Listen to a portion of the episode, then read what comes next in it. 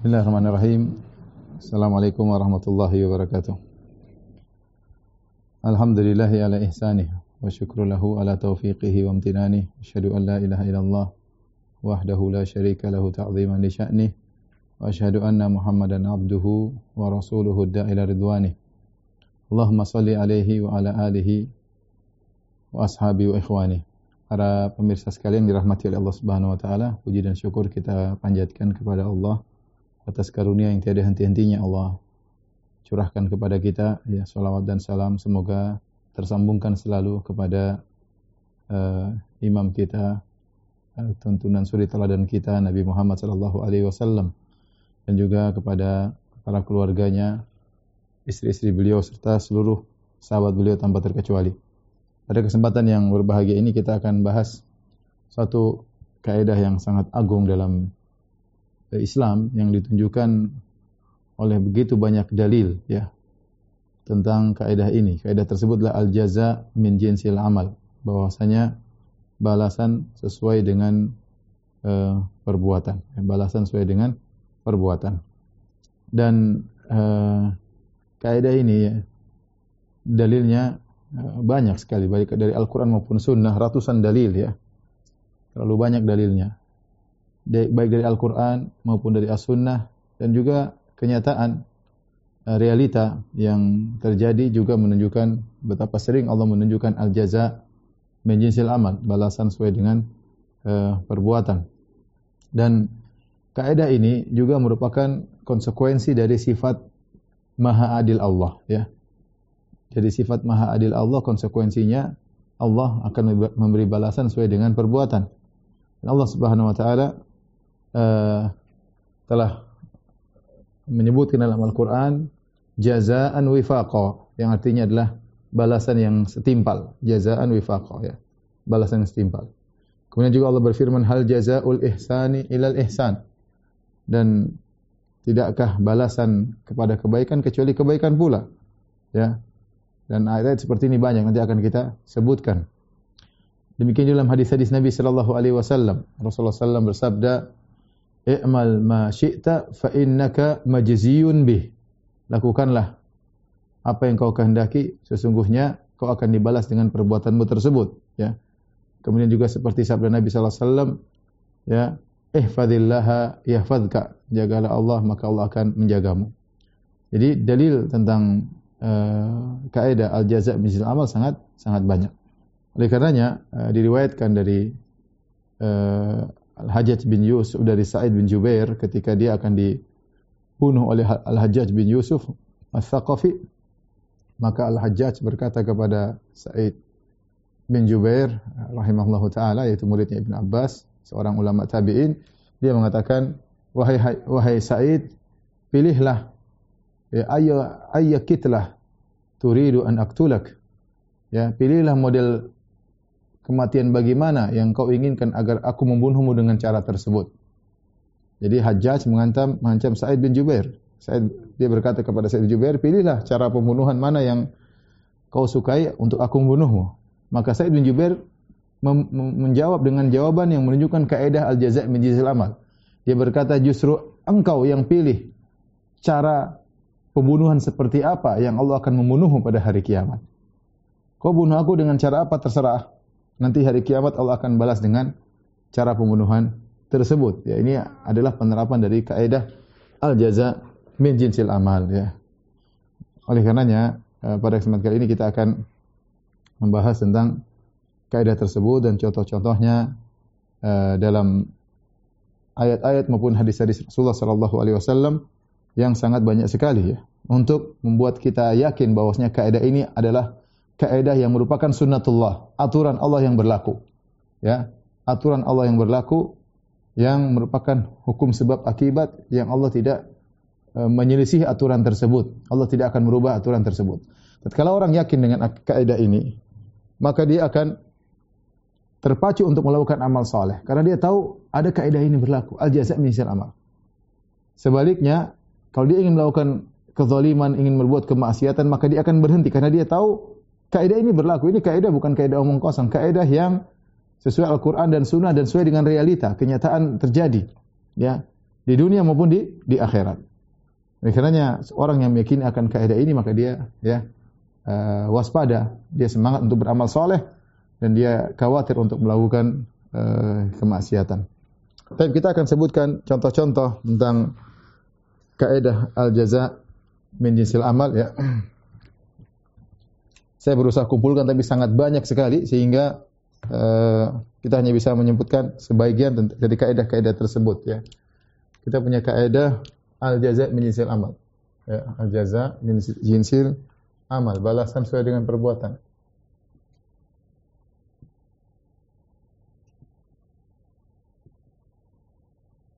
Perhatikan yang perlu saya ingatkan, ini kaidah ya, bukanlah dikenal dengan hukum karma. Hukum karma saya rasa berbeda dengan kaidah al-jaza min jinsil amal. Ya, bisa mungkin kita bisa meneliti apa maksud hukum karma bagi orang yang Sebagian saya dengar namanya hukum karma itu kalau kita melakukan maka nanti anak kita yang uh, terkena ya. Enggak. Seperti misalnya seorang lelaki uh, berzina dengan uh, wanita istri orang lain, maka anaknya nanti punya suami akan berzina dengan istri orang lain. Ini bukan kaidah al-jaza' min amal. Karena kenapa? Karena al-jaza' min amal dia berkaitan dengan diri kita, pelakunya bukan berkaitan dengan anak, bukan berkaitan dengan saudara bukan berkaitan dengan kawan, berkaitan dengan diri diri sendiri. Ya. Kalau ini maksudnya karma, maka karma bukan kaidah al-jaza' min amal. Kalau maksudnya karma adalah seorang tatkala uh, di dunia melakukan sesuatu maka dia akan dibalas pada kehidupan berikutnya, ya. Nanti dia di dia meninggal kemudian re reinkarnasi, kemudian hidup dalam kehidupan berikutnya sebagai Eh, bentuk yang lain. Kalau dia melakukan kejahatan, maka dia mungkin menjadi hewan yang hina. Kalau dia melakukan kebaikan, mungkin dia naik pangkat. Maka ini juga bukan al-jaza' misal amal. Ya, karena al-jaza' misal amal balasannya di dunia bukan pada kehidupan ke berikutnya. Reinkarnasi karena dikasih tidak ada dalam Islam. Dibalas di dunia sekarang ini atau nanti di akhirat. Atau nanti di di akhirat kehidupan yang uh, selama-lamanya. Jadi, yang perlu saya ingatkan, uh, ini bukan bukan hukum karma. Ya.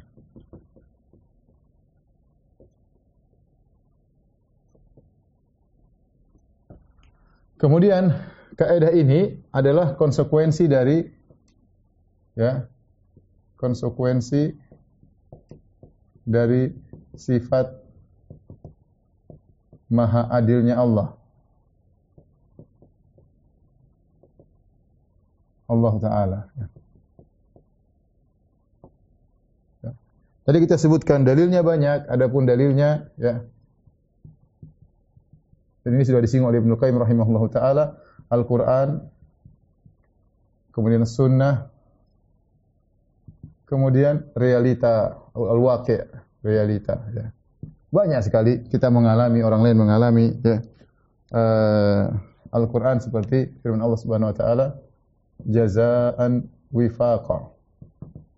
Yaitu balasan yang setimpal.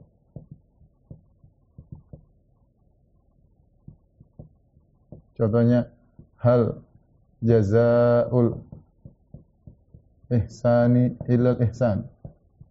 Dalam surat Ar-Rahman, bukankah balasan kebaikan kecuali kebaikan juga? Ya.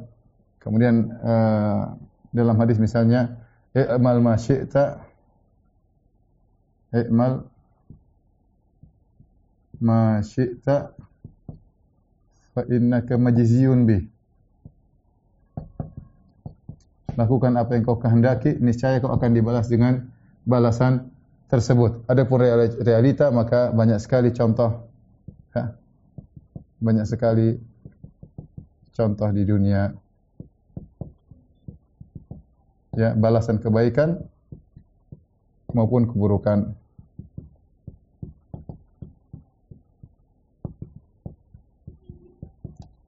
Baik. Uh, adapun kaidah ini mungkin saya bisa klasifikasi menjadi dua ya. Uh, kaidah ini ya. Saya bisa klasifikasi menjadi dua ya.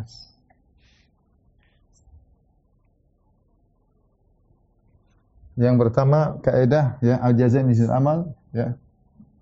Balasan sesuai dengan perbuatan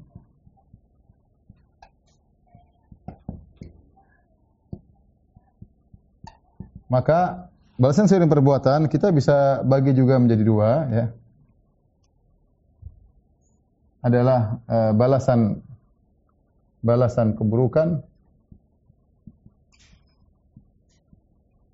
Kemudian balasan kebaikan.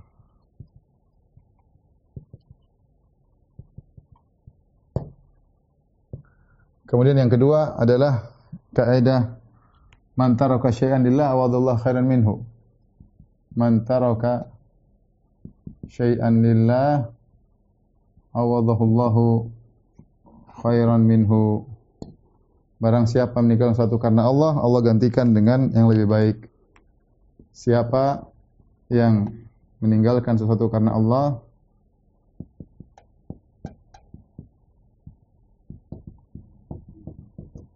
maka diganti dengan yang lebih baik dengan lebih baik berdasarkan hadis Nabi sallallahu alaihi wasallam Ahmad dengan lafal yang berbeda. Baik, uh, kita akan sebutkan contoh-contoh ini semua. Sekarang kita mulai dari sini. Man taraka syai'an lillahi awadahu Allahu khairan minhu. Barang siapa meninggal sesuatu karena Allah, maka al-jazaa misal amal. Allah akan gantikan. Yang dia tinggalkan Allah akan gantikan bahkan lebih baik daripada apa yang dia tinggalkan tersebut. Contoh-contohnya banyak ya. Contoh-contohnya ya. Seperti kata para ulama seperti pertama Nabi Yusuf ya lebih memilih penjara. Penjara ya meninggalkan ya rayuan para wanita. Ya. Maka Allah ganti apa? Ya, kata beliau, Rabbi sijinu ahabbu ilayya mimma yad'unani ilai. Ya Rabbku aku lebih suka di penjara daripada seruan mereka. Dia tinggalkan kenikmatan baik di penjara maka Allah Subhanahu wa taala gantikan dia dengan ya kekuasaan yang luas. Kata Allah Subhanahu wa taala, "Kadza wa kadzalika makkanna li Yusufa fil ardi yatabawwa'u min haitsu yasha." Kata Allah, "Yatabawwa'u minha haitsu yasha." Nusibu bi rahmatina man tasha. Demikianlah kami berikan kekuasaan kepada Nabi Yusuf alaihissalam maka dia mau ke mana-mana terserah. Tadinya dia dalam kesempitan di penjara atau sebelumnya kesempitan dalam sumur, Allah beri balasan yang yang luar uh, dengan tempat yang lebih luas daripada penjara ya. Allah berikan balasan yang luar biasa ya. Kemudian tentunya ya dia akan mendapatkan banyak kenikmatan. Contoh lagi seperti kata para ulama kisah Nabi Sulaiman alaihissalam Nabi Sulaiman ketika dia lupa untuk berzikir kepada Allah hatta tawarat bil hijab sampai matahari terbenam, dia lupa zikir petang, maka dia pun membalasnya dengan uh, meninggalkan kuda-kuda indah yang uh, membuat dia terpesona sehingga dia lupa berzikir. Kata dia rudduha alayya fatafiqa mashan bil suqi wal a'na. Kembalikan kuda-kuda tersebut. Maka Nabi Sulaiman alaihissalam pun menyembelih atau memenggal kuda-kuda tersebut, ya. Maka Allah ganti apa? Allah wali Sulaiman ar-riha guduwa syahrun wa ruwahu syahr. Maka kami gantikan Sulaiman dengan apa? Dengan angin yang bertiup kencang. Nabi Sulaiman ya meninggalkan kuda-kuda pilihan. Allah ganti dengan apa? Dengan diganti dengan angin ya yang berhembus kencang berhembus sesuai dengan keinginannya. Ini Allah ganti di dunia, belum kita bicara ganti di akhirat. Ini baru ganti di di dunia, ya. Contoh lagi seperti Nabi Ibrahim alaihissalam. Ibrahim alaihissalam. Nabi Ibrahim alaihissalam ya ketika dia dibakar dia harus menanggalkan bajunya.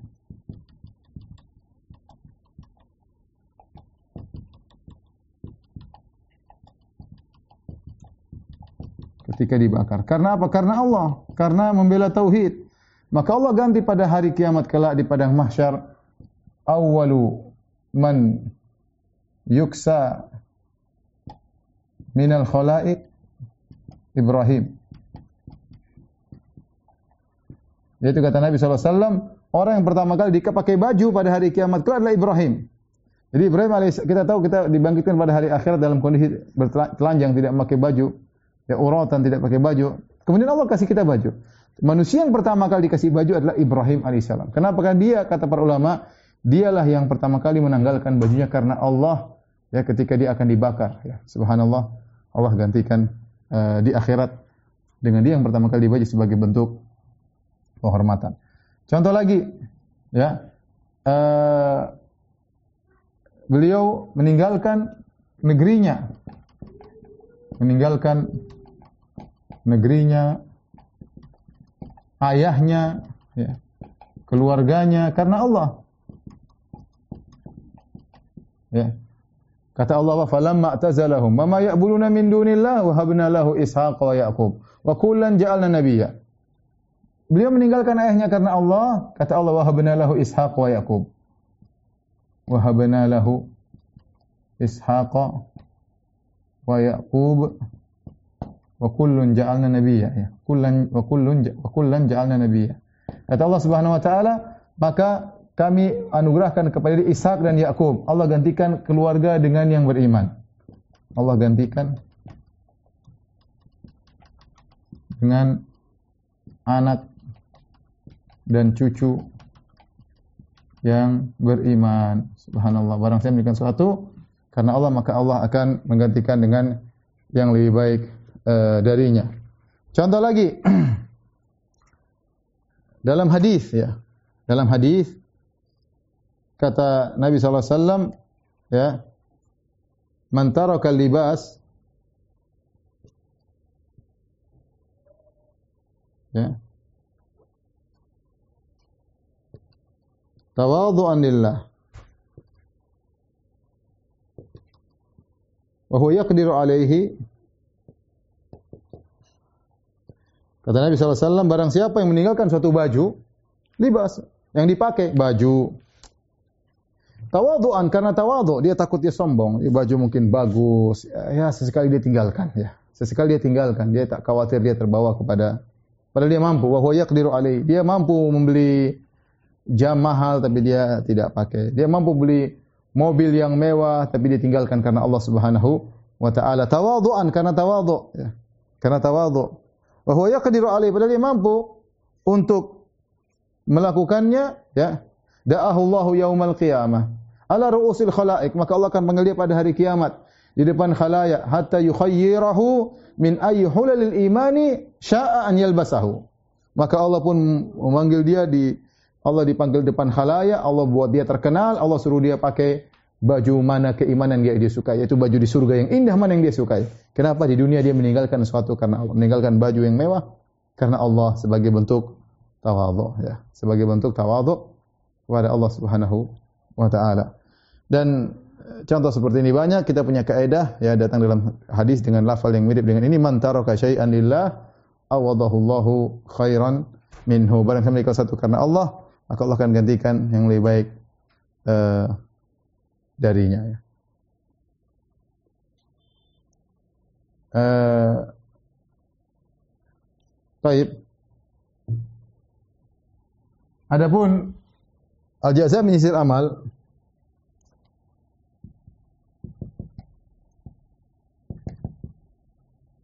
Maka kalau kita mau bagi dua, balasan dalam keburukan, balasan dalam kebaikan. Balasan dalam keburukan, contohnya banyak banget. Ya. Bagaimana Allah membalas keburukan dengan sesuai dengan uh, jenis perbuatan. Contoh, ya, kisah Bani Israel dirubah jadi monyet.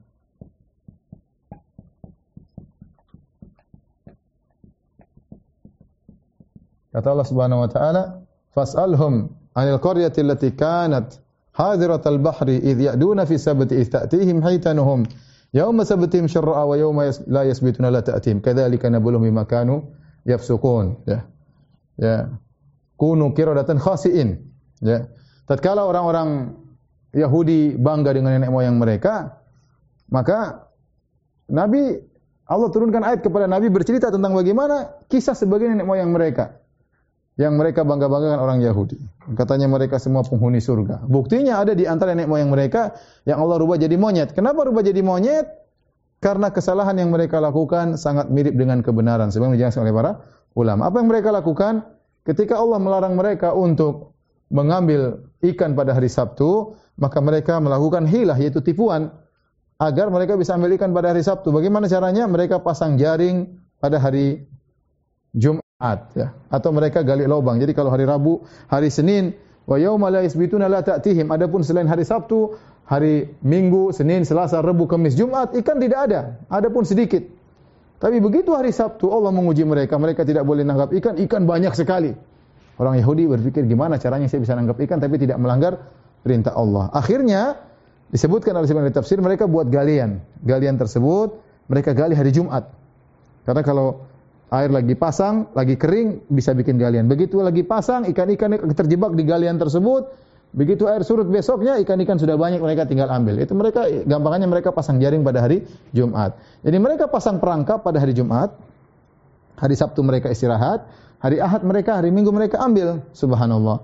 Apa yang mereka lakukan sangat mirip dengan kebenaran, tapi ternyata adalah pelanggaran. Ya, kalau kita debat sama mereka, kita tidak bisa menang. Wong saya tidak melanggar. Yang dilarangkan hari Sabtu. Wong saya pasangnya hari Jumat, ngambilnya hari Ahad. Apa kesalahan saya? Tapi Allah Maha tahu, maka Allah rubah mereka menjadi monyet.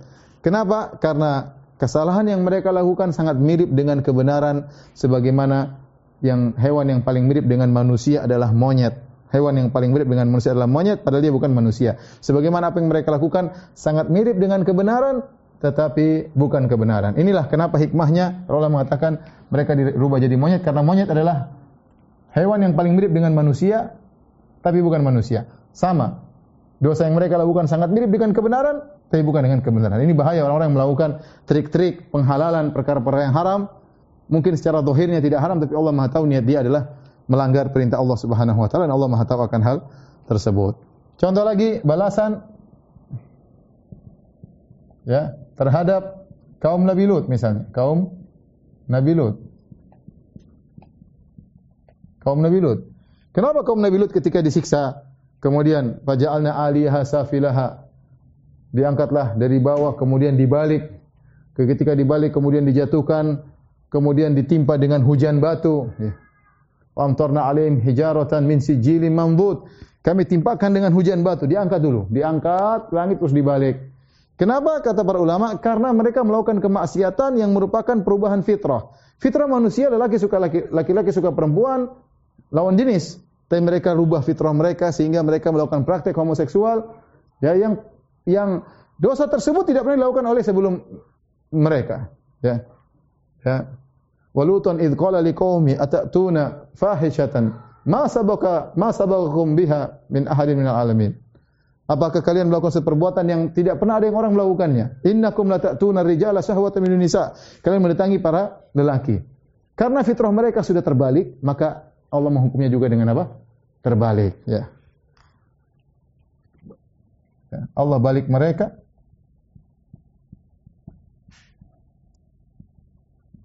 karena fitrah mereka terbalik.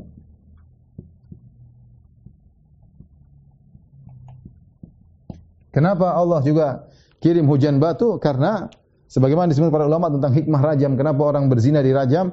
Karena ketika dia melakukan maksiat zina, sekujur tubuhnya merasakan kelezatan dan kenikmatan, maka sekujur tubuhnya pun harus merasakan azab. Sama mereka sudah dibalik, ditimpa dengan hujan hujan batu ini dialami oleh kaum uh, Nabi Lut. Uh, alaihissalam. Contoh lagi balasan kepada pelaku riba, pemakan riba.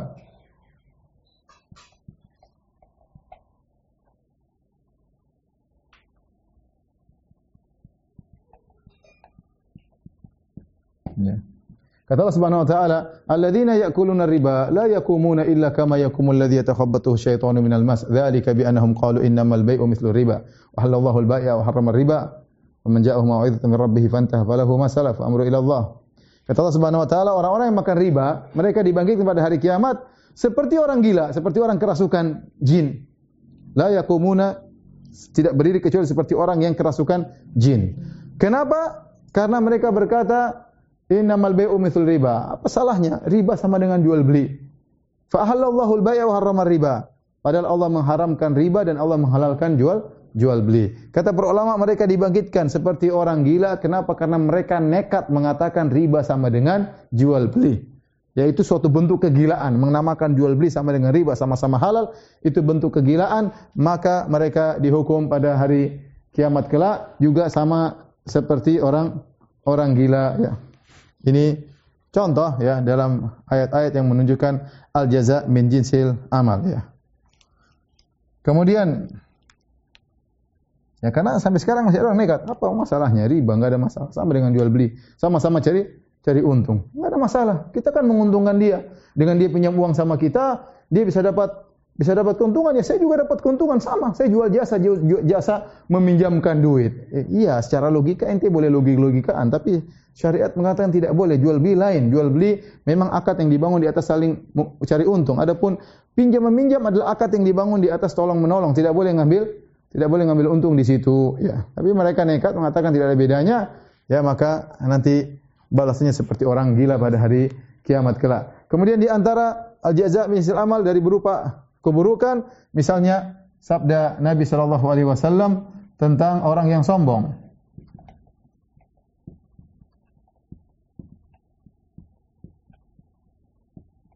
Ya. Kata Nabi sallallahu alaihi wasallam yuhsyarul mutakabbiruna yaumal qiyamah. Ya Ka amsali dzarfi suwari rijal yakshahum dzul min kulli makan. Sungguhnya orang yang sombong pada hari kiamat akan dibangkitkan bentuknya ukurannya seperti semut, tapi bentuknya manusia, kecil. Ya, sementara hari tersebut hari yang sangat dahsyat. Ya. Wa idzal wuhushu husyirat.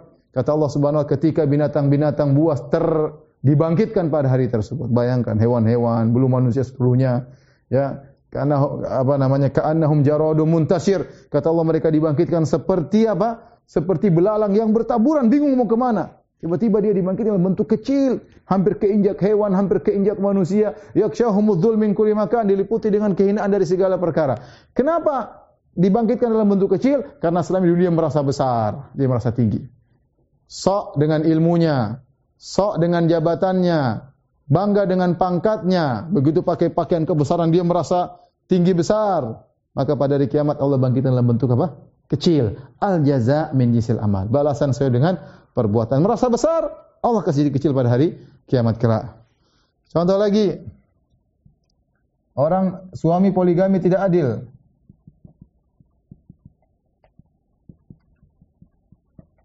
Ini juga jadi miring.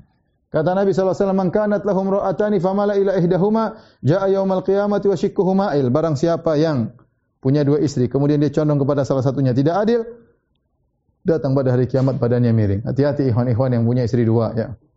Yang punya istri satu juga eh, perlu waspada, apalagi yang punya istri dua. Hati-hati jangan sampai kita mendolimi istri kita, baik satu ataupun dua dan tidak boleh mendolimi, kita tidak adil ya. Sebagian orang menikah poligami dan tidak adil ya. Lebih sayang kepada istri keduanya. Kalau datang ke rumah istri yang pertama, istri pertama cuma suruh apa? Suruh ngerok saja, suruh mijit. Nanti kemudian dia menggauli istri keduanya, istri pertamanya ditinggal, istri tuanya dan seterusnya, maka dia akan datang pada hari kiamat badannya miring. Kenapa selama ini tidak adil? Allah tunjukkan kemiringannya. Kenapa kamu di dunia tidak tidak adil? Tidak adil. Ini balasan sesuai dengan perbuatan. Contoh lagi seperti Nabi sallallahu alaihi wasallam eh, mengatakan tentang orang balasan orang tukang minta-minta. Tukang-tukang tukang minta-minta tanpa ada darurat. Ya, Kata Nabi SAW, uh, bahwasanya orang yang suka uh, minta-minta, ya, la tazalul mas'alatu bi ahadikum hatta yalqallaha yaumal qiyamah wa laysa ala wajhi muzatul lahmin ya. Atau kama qala Nabi sallallahu alaihi wasallam, senantiasa seorang minta-minta tidak tidak punya malu sehingga wajahnya sudah enggak punya malu. Kata dia bilang rai gedek, muka tembok, tidak punya malu. Sedikit minta-minta, sedikit minta-minta sampai orang diminta jadi enggak enak, kasih kasih kasih. Akhirnya pada hari kiamat dia akan datang dalam wajahnya tidak ada dagingnya sama sekali. Kenapa? Dia tidak menghargai wajah kemuliaan wajahnya. Tidak punya malu, rai gedek, muka tembok dan segala istilah yang biasa kita sampaikan ya. Kemudian contoh lagi. Balasan orang yang ria. Kata Nabi sallallahu alaihi wasallam, "Man samma samma Allahu bih wa man yura yura ilahu bih." Barang siapa yang beramal soleh di dunia dalam rangka tasmi' untuk disebut-sebut orang, Dan dalam barang siapa beramal soleh supaya dilihat orang, maka pada hari kiamat Allah akan mempermalukan dia depan khalayak. Sama Allahu bih, yura illahu bih. Allah permalukan dia. Ya. Di antara tafsiran para ulama, ya, selama ini dia berbohong kepada orang-orang, dia menunjukkan dirinya seakan-akan ikhlas, dia menunjukkan seakan-akan tulus, ya, mungkin dia bikin ceramah menunjukkan dia tulus, dia foto-foto. Ternyata dia tidak tulus. Maka pada hari kiamat kala Allah akan permalukan dia. Di antaranya tafsiran sebagian ulama disebut oleh Ibn Hajar dan Fathul Bari, yaitu bahwasanya pahala-pahala dia, misalnya dia nih, atau dia sedekah, pahala-pahala dia akan nampak di depan dia. Ini pahalamu amal solehmu. Betapa senang dia tiba-tiba faja'alnahu haba'an manthura. Allah hilangkan seluruh pahala tersebut. Kenapa? Karena di dunia dia melakukan amal soleh karena riak ingin dipuji dan karena ingin didengar. Contohnya lagi, ya. Balasan orang-orang munafik. Kata Allah Subhanahu wa taala, "Innal munafiqina yukhadi'una Allah wa huwa khadi'uhum." Semuanya orang munafik itu menipu Allah ya dan Allah akan menipu mereka. Mereka menipu kenapa? Karena KTP mereka Islam tapi hati mereka kufur kepada Allah Subhanahu wa taala. Dan mereka lebih berbahaya daripada orang-orang kafir sungguhnya, ya. Kata Allah, "Humul aduwwu fahdharhum qatalahumullah." Orang-orang munafik itu musuh yang sungguhnya. Waspada, ya. Kenapa? Karena mereka menipu. KTP-nya Islam, hatinya benci kepada Islam, benci dengan syariat Islam, benci kalau Islam orang pakai jilbab, benci kalau orang menerapkan syariat Islam, benci kalau ada pengajian, benci kalau orang memakai pakaian Islami. Dia enggak suka, dia risih, hidupnya gelisah lihat orang-orang Islam menjalankan syariatnya. Dia benci lihat orang sholat berjamaah, dia enggak suka. Ada pengajian mendengar hadis, dia ngejek. Ini orang meskipun KTP-nya Islam tapi dia munafik. Nipu manusia, nipu Allah Subhanahu wa taala tapi dia hari kiamat dia akan di tipu oleh Allah Subhanahu wa taala. Makanya Allah berfirman, "Yauma yaqulul munafiquna wal munafiqatu lil ladzina amanu nzuruna naktabis min nurikum." Qul qila irji'u wara'akum faltamisu nura. Fadriba bainahum bisurin lahu babun batinuhu fir rahma wa zahiru min kibrihil adzab. Yunadunahum qalu alam nakum ma'akum Alam yunadunahum alam nakum ma'akum qalu bala walakinnakum fatantum anfusakum wa tarabbastum wartabtum wa gharratkumul amaniyu hatta ya Eh, kata Allah Subhanahu wa taala tatkala orang-orang munafik berkata kepada orang-orang beriman pada hari kiamat. Kapan terjadi? Kata para ulama tatkala menjelang melewati sirat. Terjadi kegelapan di padang mahsyar, tiba-tiba gelap zulmah. Dan disuruh melewati sirat dan kalau gelap akan jatuh ke dalam lubang neraka jahanam. Sementara api neraka jahanam hitam gelap, jalan tidak kelihatan. Maka butuh cahaya untuk melewati jalan tersebut. Ya. Maka orang-orang beriman dikasih cahaya. Orang munafik juga dikasih cahaya. Allah kasih cahaya untuk mempermainkan mereka karena selama ini mereka mempermainkan orang-orang Islam. Dikasih cahaya mereka sudah senang. Mereka siap berjalan tiba-tiba Allah redupkan cahaya mereka. Orang-orang beriman cahaya tetap nyala. Ketika orang beriman melihat orang-orang munafik cahaya mereka diredupkan mereka berdoa Rabbana atmim lana nurana waghfir lana. Ya Rabb kami sempurnakanlah cahaya kami. Jangan dimatikan seperti cahaya orang-orang munafik. Akhirnya orang-orang beriman maju orang munafik enggak berani maju. Seketika itu mereka berkata Ya. Unzuruna naktabis min nurikum. Wahai orang beriman, tunggulah kami, kami ingin ambil cahaya dari kalian, kami ingin lewat sirat. Kata orang-orang beriman, qilar ji'u wara'akum faltimu sunura. Mundurlah kalian, cari cahaya di belakang. Tiba-tiba ada pintu yang menghalangi mereka. Batinu fir rahmah zahiruhu min kibilahil adzab. Dalamnya rahmat di luarnya adalah Azab. Mereka berkata, Yunaduna alam nakum ma'akum. Wahai orang beriman, bukankah kami dulu bersama kami, kalian? Benar. Orang munafik dulu bersama kita. Mungkin tetanggaan, mungkin ke masjid, mungkin bareng. Apalagi orang munafik zaman Nabi SAW. Salat bareng, jihad bareng. Mungkin mereka bayar zakat, tapi hati mereka benci kepada kaum kaum muslim. Bukan kita sama-sama KTP Islam, bukan kita sama-sama satu bangsa. Iya, tetapi kalian selama ini ragu. Kalian selama ini menunggu-nunggu kaum muslimin. Wa tarabbastum menunggu kapan kaum muslimin kaum Islam mundur. Ya hatta jaa amrullah sampai datang keputusan Allah Subhanahu wa taala. Wa gharrakum billahil gharur. Akhirnya pada hari tersebut mereka ya bahasa kita dikerjain oleh Allah Subhanahu wa taala. Kasih cahaya sudah senang ternyata hanya di, dihilangkan. Ini al jaza min jinsil amal. Uh, contoh lagi ya. Orang bunuh diri. Ya. Balasan bunuh diri.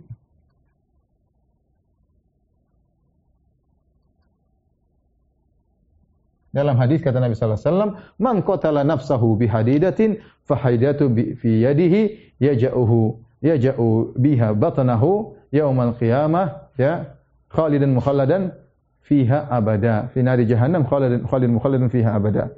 Kata Nabi SAW barang siapa yang membunuh dirinya dengan pisau besi tajam tikam dirinya. Seperti orang harakiri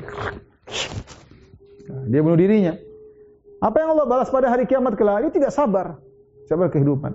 Dia membunuh diri. Seperti orang munafik di zaman Nabi SAW yang dia terluka dalam perang Uhud, dia tidak sabar maka dia berdirikan pedangnya kemudian dia tindiskan badannya agar dia segera mati. Tidak kuat merasakan rasa sakit yang dia rasakan. Ya. Dia tidak sabar. Maka kata Nabi SAW, fahadidatuhu biyadihi. Maka pada hari kiamat, besi tersebut di tangannya. Kemudian dia tikam-tikamkan perutnya. Terus dihukum seperti itu. Sampai sampai selama-lamanya di neraka jahanam. Ya begitu. Ngeri. Balasan sesuai dengan perbuatan. Man tahassa summan, barang siapa yang meninggal gara-gara konsumsi racun. Racunnya mungkin racun khamr atau racun spiritus dia minum atau minum apa kek atau racun nikotin. Nanti pada hari kiamat dia mati dengan gara-gara racun tersebut, dia akan diadab dengan racun tersebut. Mengerikan dia. Oleh karenanya seorang waspada ini di antara keburukan uh, Allah balas dengan keburukan yang setimpal. Seperti juga sabda Nabi wasallam man darra musliman darallahu bih. Ya, barang siapa yang memudaratkan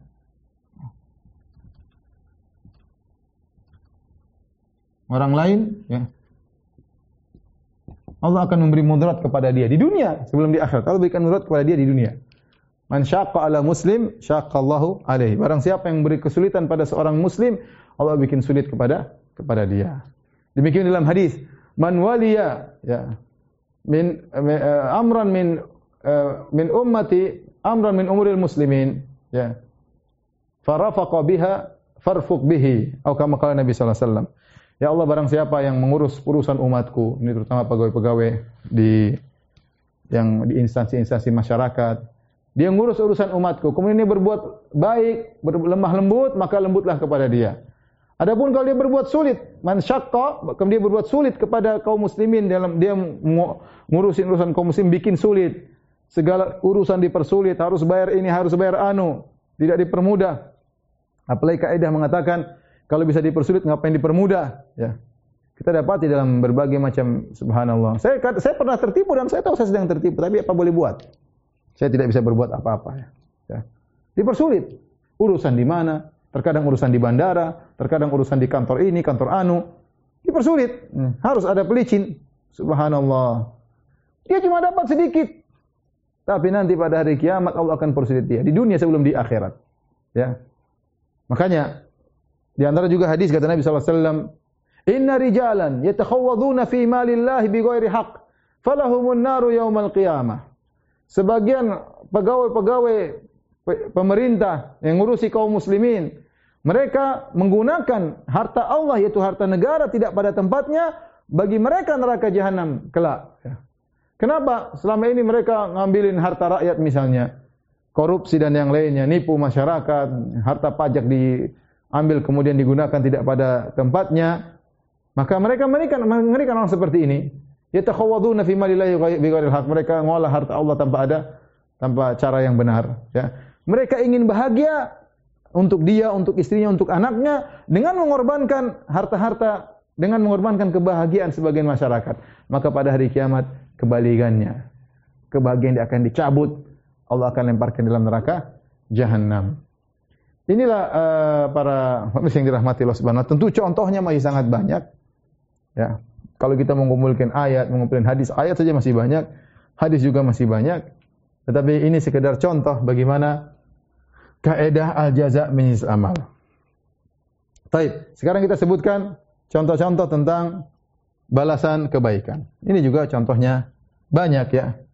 Seperti firman Allah Subhanahu wa taala tentang orang-orang yang salat malam.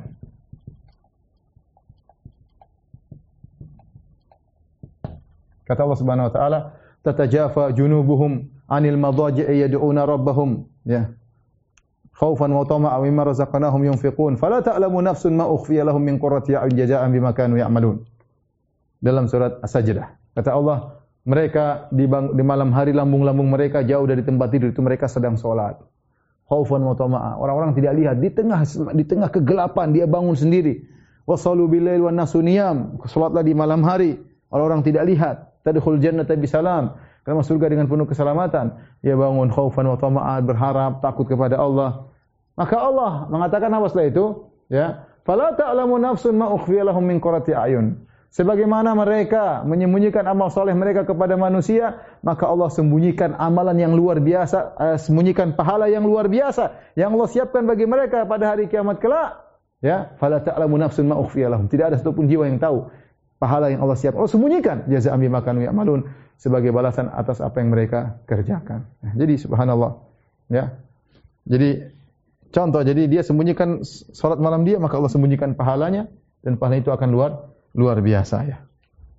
Contoh lagi, misalnya uh, yang memaafkan juga dalam Al-Quran. Kata Allah, dimaafkan Allah. Kata Allah, "Fal ya'fu wal yasfahu, ala tuhibbuna ay yaghfirallahu lakum." Ayat ini turun kepada Abu Bakar radhiyallahu anhu. Wala ya'tali ulul fadli was ulul fadli was sa'ati minkum. Ya. Eh, wala wala wala ya'tali ulul fadli wasaati ya. ayyutu ulil kurba wal masakin wal muhajirin fi sabilillah wal ya'fu wal yasfahu ala tuhibbuna ay yaghfirallahu lakum kata Allah janganlah orang yang memiliki kelapangan harta dan kelebihan harta untuk bersumpah tidak memberikan uh, pemberian kepada fakir miskin kepada kerabat dan kepada orang ber, muhajirin berjihad di Allah Subhanahu wa taala berhijrah di Allah Subhanahu wa taala. Kata Allah fal ya'fu wal yasfahu maka maafkanlah dan berlapang dada. Buat apa? Ala tuhibbuna ayaghfirallahu lakum. Tidakkah kalian suka Allah mengampuni kalian? Ini kisah tentang Mistah jadi Mistah ini kerabatnya Abu Bakar radhiyallahu anhu ketika Aisyah radhiyallahu taala anha dituduh berzina oleh orang munafik dia ikut-ikutan nuduh Mistah ini ikutan padahal Mistah ini miskin selama ini Abu Bakar yang kasih dia uh, sedekah kasih dia nafkah Ternyata sudah dinafkahi, ternyata beliau radhiyallahu anhu, Mistah juga seorang sahabat mulia, kejebak, terprovokasi dengan jebakan orang munafik sehingga ikut menuduh Aisyah berzina. Sampai akhirnya turun ayat membela Aisyah. Ternyata Aisyah tidak berzina, maka Abu Bakar marah. Selama ini saya kasih dia nafkah, ternyata dia membalas keburukan, kebaikan dengan keburukan, malah menuduh putri saya berzina. Maka Abu Bakar bersumpah, saya tidak akan kasih dia nafkah. Maka Allah tegur. Jangan kalian bersumpah untuk tidak beri nafkah. Kata Allah, wal ya'fu wal yasfu. Hendaknya mereka memaafkan dan berlapang dada. Apa balasannya? Allah maafkan. Ala tuhibbuna ay yaghfirallahu lakum? Tidak kalian suka Allah mengampuni kalian. Ini ayat yang mulia. Jadi kalau kita ingin diampuni oleh Allah, ya Allah Allah ini di antara saya bilang ya. Hal yang memudahkan kita untuk memaafkan. Ya sudah kita ini banyak dosa. Terkadang dosa kita tidak bisa diampuni kecuali kita dizalimi sudah berdoa, ya Allah ampuni saya tapi kita melakukan maksiat lagi. Terkadang kita mohon ampun tapi kurang serius. Terkadang kita mohon ampun tapi kita menggampangkan dosa yang kita lakukan. Belum dihapus oleh Allah. Allah cara menghapus, Allah membuat kita didolimi. Sudah kita didolimi, kita introspeksi diri. Dan kita maafkan. Kalau kita maafkan, Allah akan maafkan kita. Kenapa? Al jaza min jinsil amal. Ya. Kemudian juga firman Allah Subhanahu Wa Taala. Ya. In tansurullah yansurkum. Tolonglah Allah. Maka Allah menolong.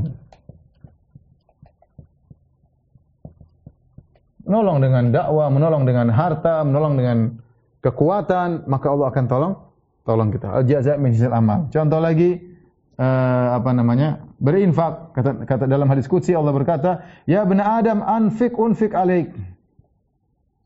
Ya bani Adam, anfik unfik alaik.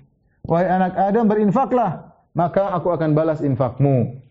Ya. Jadi seorang tidak usah ragu kalau dia tahu al-jazim misal amal dia berinfak karena Allah pasti dibalas di dunia sebelum di akhirat. Nah ini sudah kaidah nyata. Orang yang berinfak Allah akan balas di dunia sebelum di akhirat. Di akhirat berlipat-lipat ganda, di dunia juga Allah beri beri infak. Oleh karena seorang tidak perlu ragu untuk berinfak. Kenapa? Kita punya kaidah al-jaza min amal. Al-jaza min amal. Kalau tidak ingin dimurkai oleh Allah, maka jangan murka sama orang. Ya. Ya. Tidak murka sama Allah, tidak murka sama orang, orang lain, maka Allah tidak murka kepadanya. Ya akhi kita ini banyak dosa, kita khawatir kita dimurkai oleh Allah Subhanahu wa taala. Maka caranya jangan suka marah-marah. Jangan suka marah-marah. Apa kata seorang kepada Nabi? Ya Rasulullah, dullani ala amalin. Ya. Yubaiduni an ghadabillah. Ya Rasulullah, tunjukkanlah kepadaku satu amalan yang menjauhkan aku dari kemurkaan Allah. Apa kata Nabi? La taqdab. Jangan kau marah. Selesai. Ente tidak marah, ente dijadi kemurkaan Allah. Kita ini sekarang marah sama istri, marah sama anak, marah sama suami, ngomel sama pembantu, ngomel sama supir, ngomel sama kawan, ngomel-ngomel di grup, uring-uringan. Ya, subhanallah. Kerjanya marah-marah terus. Anda ingin tidak dimarahin oleh Allah, tidak ingin dimurkahi oleh Allah, ya sudah maafin. Ya. Jangan uring-uringan sama orang, sudah sabar. Diampuni oleh Allah Subhanahu wa taala. Allah mau marah, Anda enggak jadi. Kenapa? Anda pernah memaafkan hamba-hambanya. Subhanallah, Allah Maha baik. Kalau dimarahi di dunia enggak ada marah di akhirat repot ya. Oleh karenanya Nabi wasallam mengatakan man kadzama ghaidan wa huwa yaqdiru ala an yaqdi an, an uh, yunafidhahu da'ahu Allahu yaumal qiyamah ala ru'us al khalaiq hatta yukhayyirahu min ayyi huril min ayyi hurin syaa kata Nabi wasallam barang siapa yang meredam amarah Man kadzama ghaidan, ghaidan itu puncak kemarahan. Allah puji orang yang meredam kemarahan. Kata Allah wal kadhi minal ghaif. Orang yang meredam kemarahan. Maksudnya apa? Ghaif itu sudah kemarahan kalau kita sudah ngisi air sudah di puncak entar lagi airnya meluber. Tapi diikat supaya tidak meluber. Mengikat air yang sudah meluber itu namanya kadzama ghaidan. Bukan ini sudah benar emosi. Wah, wa huwa yaqdiru ala an dan dia mampu untuk balas. Dia mampu untuk melampiaskan. Dia bos, dia jago, badannya kuat. Dia pejabat. Mau habisin gampang. Dia mau ceraikan istrinya gampang. Dia mau ini gampang. Dia mau ngomelin suaminya gampang. Tapi subhanallah. Wa huwa yaqdiru ala yunfidahu, dia mampu untuk melampiaskannya tapi dia tahan karena Allah Subhanahu wa taala. Da'ahullahu yaumal qiyamah, maka Allah akan panggil dia pada hari kiamat di hadapan orang-orang ramai. Hatta yukhayyirahu min ayil huri syaa. Sehingga Allah suruh dia pilih bidadari mana yang dia sukai. Jadi ikhwan, ya akhi. Kalau anda lagi marah sama istri, tahan. Sabar ya. Sebagian istri memang bikin masalah ya. Ya, sabar ya. Sabar. Ingat, anda kalau tahan kemarahan, anda akan dikasih bidadari. Pilih nanti. Jadi kalau istri tanya, mas kok enggak marah-marah? Bilang Nabi bersabda, barang saya menahan kemarahan akan diberi bidadari yang dia sukai di akhirat. Mudah-mudahan kamu bidadarinya. Jadi maksudnya, sabar, jangan marah-marah. Istri juga begitu, jangan marah-marah ya. Ya, mampu marah gampang. Oh suami saya nurut sama saya. Masukkan ketek saya juga bisa. Iya tapi jangan gitu. Ya. Ada sebagian suami lemah. Diomelin istri terus tiap hari. Ya mau diapain. Mungkin dia uangnya, duitnya kurang. Mungkin dia uh, nasabnya kurang. Atau harkat martabatnya dari keluarga miskin. Di bulan jadi bulan-bulan sama istrinya. Istrinya kurang hajar ya. Oleh karenanya seorang ingin tidak dimurkai oleh Allah. Maka jangan marah sama uh, orang lain. Contoh lagi. Uh, bagaimana uh, ini saya lupa satu lagi. Ya. Ada hadisnya juga. Meninggalkan suatu karena Allah supaya tulis dalam catatan. Misalnya apa? Uh, para syuhada. Para syuhada. Syuhada ya. Yang mereka merelakan ruhnya karena Allah Subhanahu wa taala maka pada hari kiamat kelak mereka bukan hari kiamat. Di, di sekarang lagi di alam barzah mereka sudah dapat nikmat di alam barzah. Ruh mereka terbang dalam ekor burung berterbangan di surga. Jadi sudah rasakan nikmat sejak di nikmat kubur ya. Belum hari kiamat sudah merasakan nikmat. Demikian juga siapa? Ja'far bin Abi Talib Ja'far At-Tayyar. Ketika dalam perang Uh, dalam perang Ghazwah Mu'tah kemudian dia memegang bendera tangannya terpotong maka dia pegang dengan tangan kiri tangan terpotong maka Allah gantikan dua tangannya dengan sayap yang dia terbang dengannya di surga kelak. Maka Ja'far dikenal dengan Ja'far atau ya yaitu Ja'far yang terbang. Tapi kita kembali kepada balasan uh, kebaikan. Uh, di antaranya barang siapa tawaduk karena Allah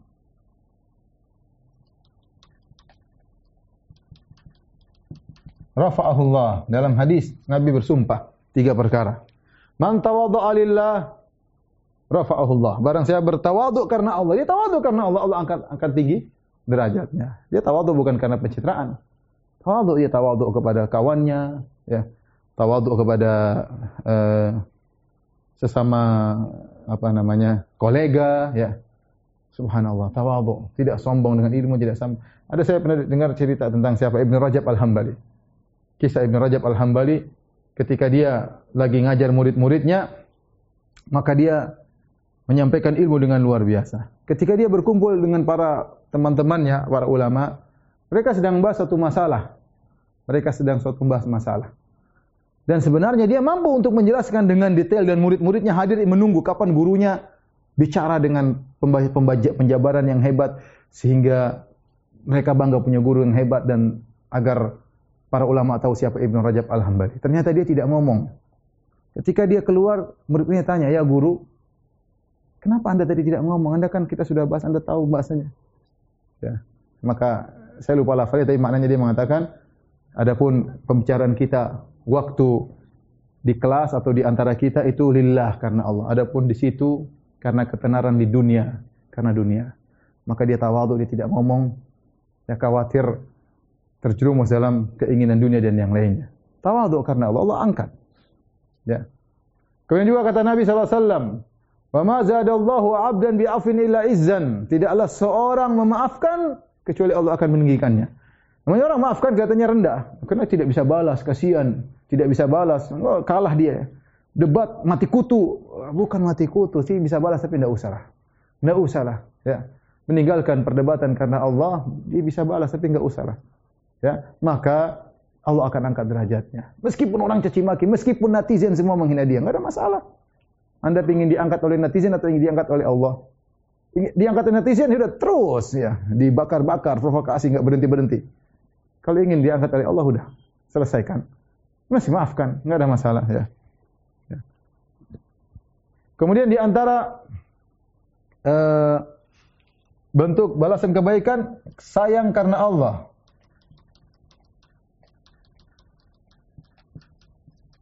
Kata Allah, Ar-Rahimuna yarhamuhumur rahman.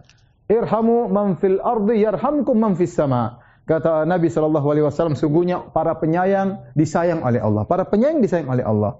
Irhamu man fil ard, sayangilah penduduk bumi, yarhamkum man fis sama, maka yang di langit akan sayang kepada kalian. akan sayang kepada kalian. Saya ulangi, kata Nabi, irhamu man fil ard, sayangilah kepada penduduk bumi, yarhamkum man fis sama, maka yang di langit akan sayang kepada kepada kalian. Ya. Saya ingat ada teman saya orang Arab dia cerita, Ya, jadi kalau musim ujian, ingatkan kepada gurunya. Wahai Pak Guru, irhamu man fil fasal, rahmatilah orang yang di kelas, jangan bikin soal susah-susah. Niscaya Allah akan sayang kepadamu ya. Jadi intinya barang siapa yang menyayangi dia akan disayang. Bahkan Nabi berkata kepada seorang sahabat, "Asyah in rahim tahab rahimakallah." Kambing kalau kau waktu nyembelih kau ada perasaan sayang, Allah akan sayang kepadamu. Tidak ada ruginya kita sayang karena Allah maka Allah akan sayang kepada kita. Ya. Contoh lagi mencintai karena Allah.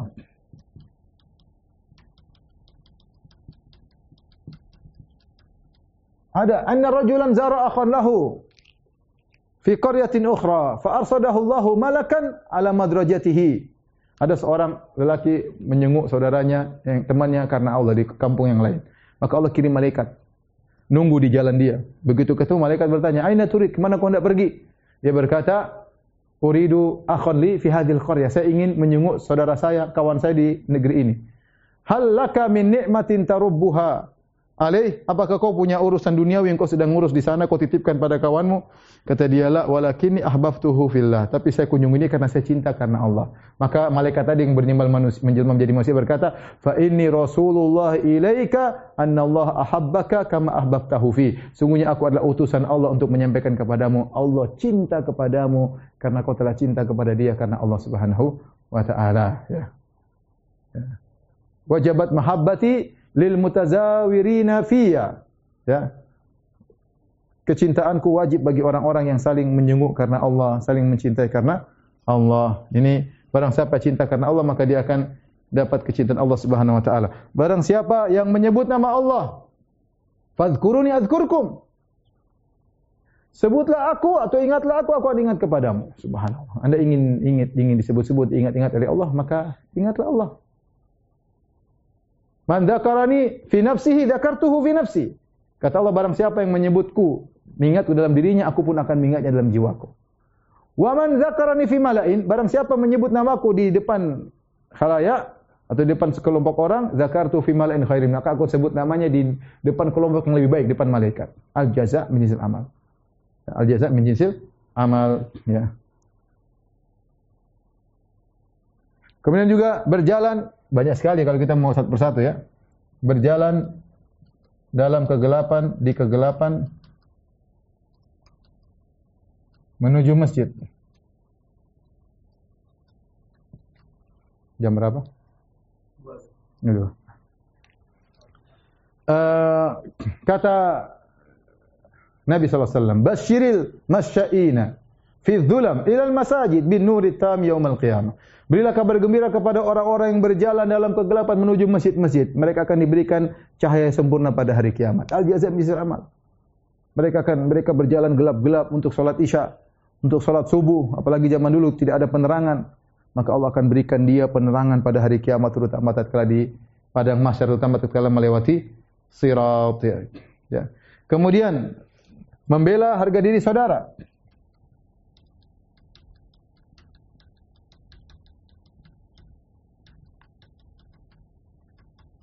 Man radda an irdi akhihi radda Allah wajahahu anin nar.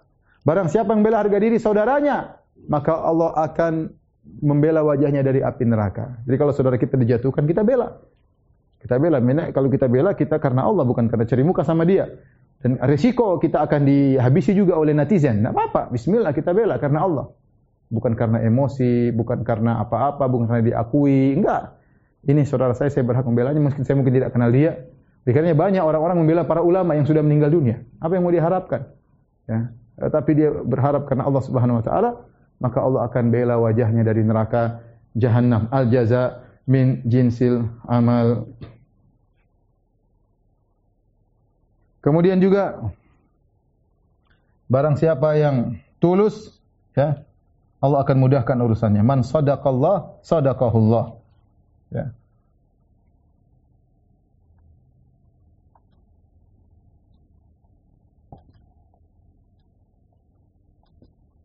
Jadi ada seorang Arab Badui, dia datang, dia ingin ikut jihad bersama Nabi sallallahu alaihi wasallam. Maka dia berjihad. Setelah itu setelah berjihad, kemudian Nabi dapat ghanimah. Kemudian Nabi kasih dia.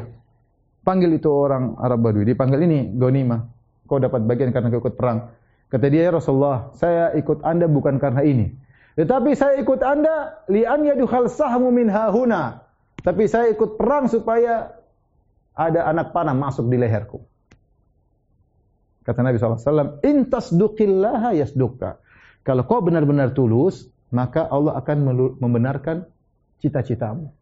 Dan benar, dia berperang, ternyata benar dia meninggal dunia.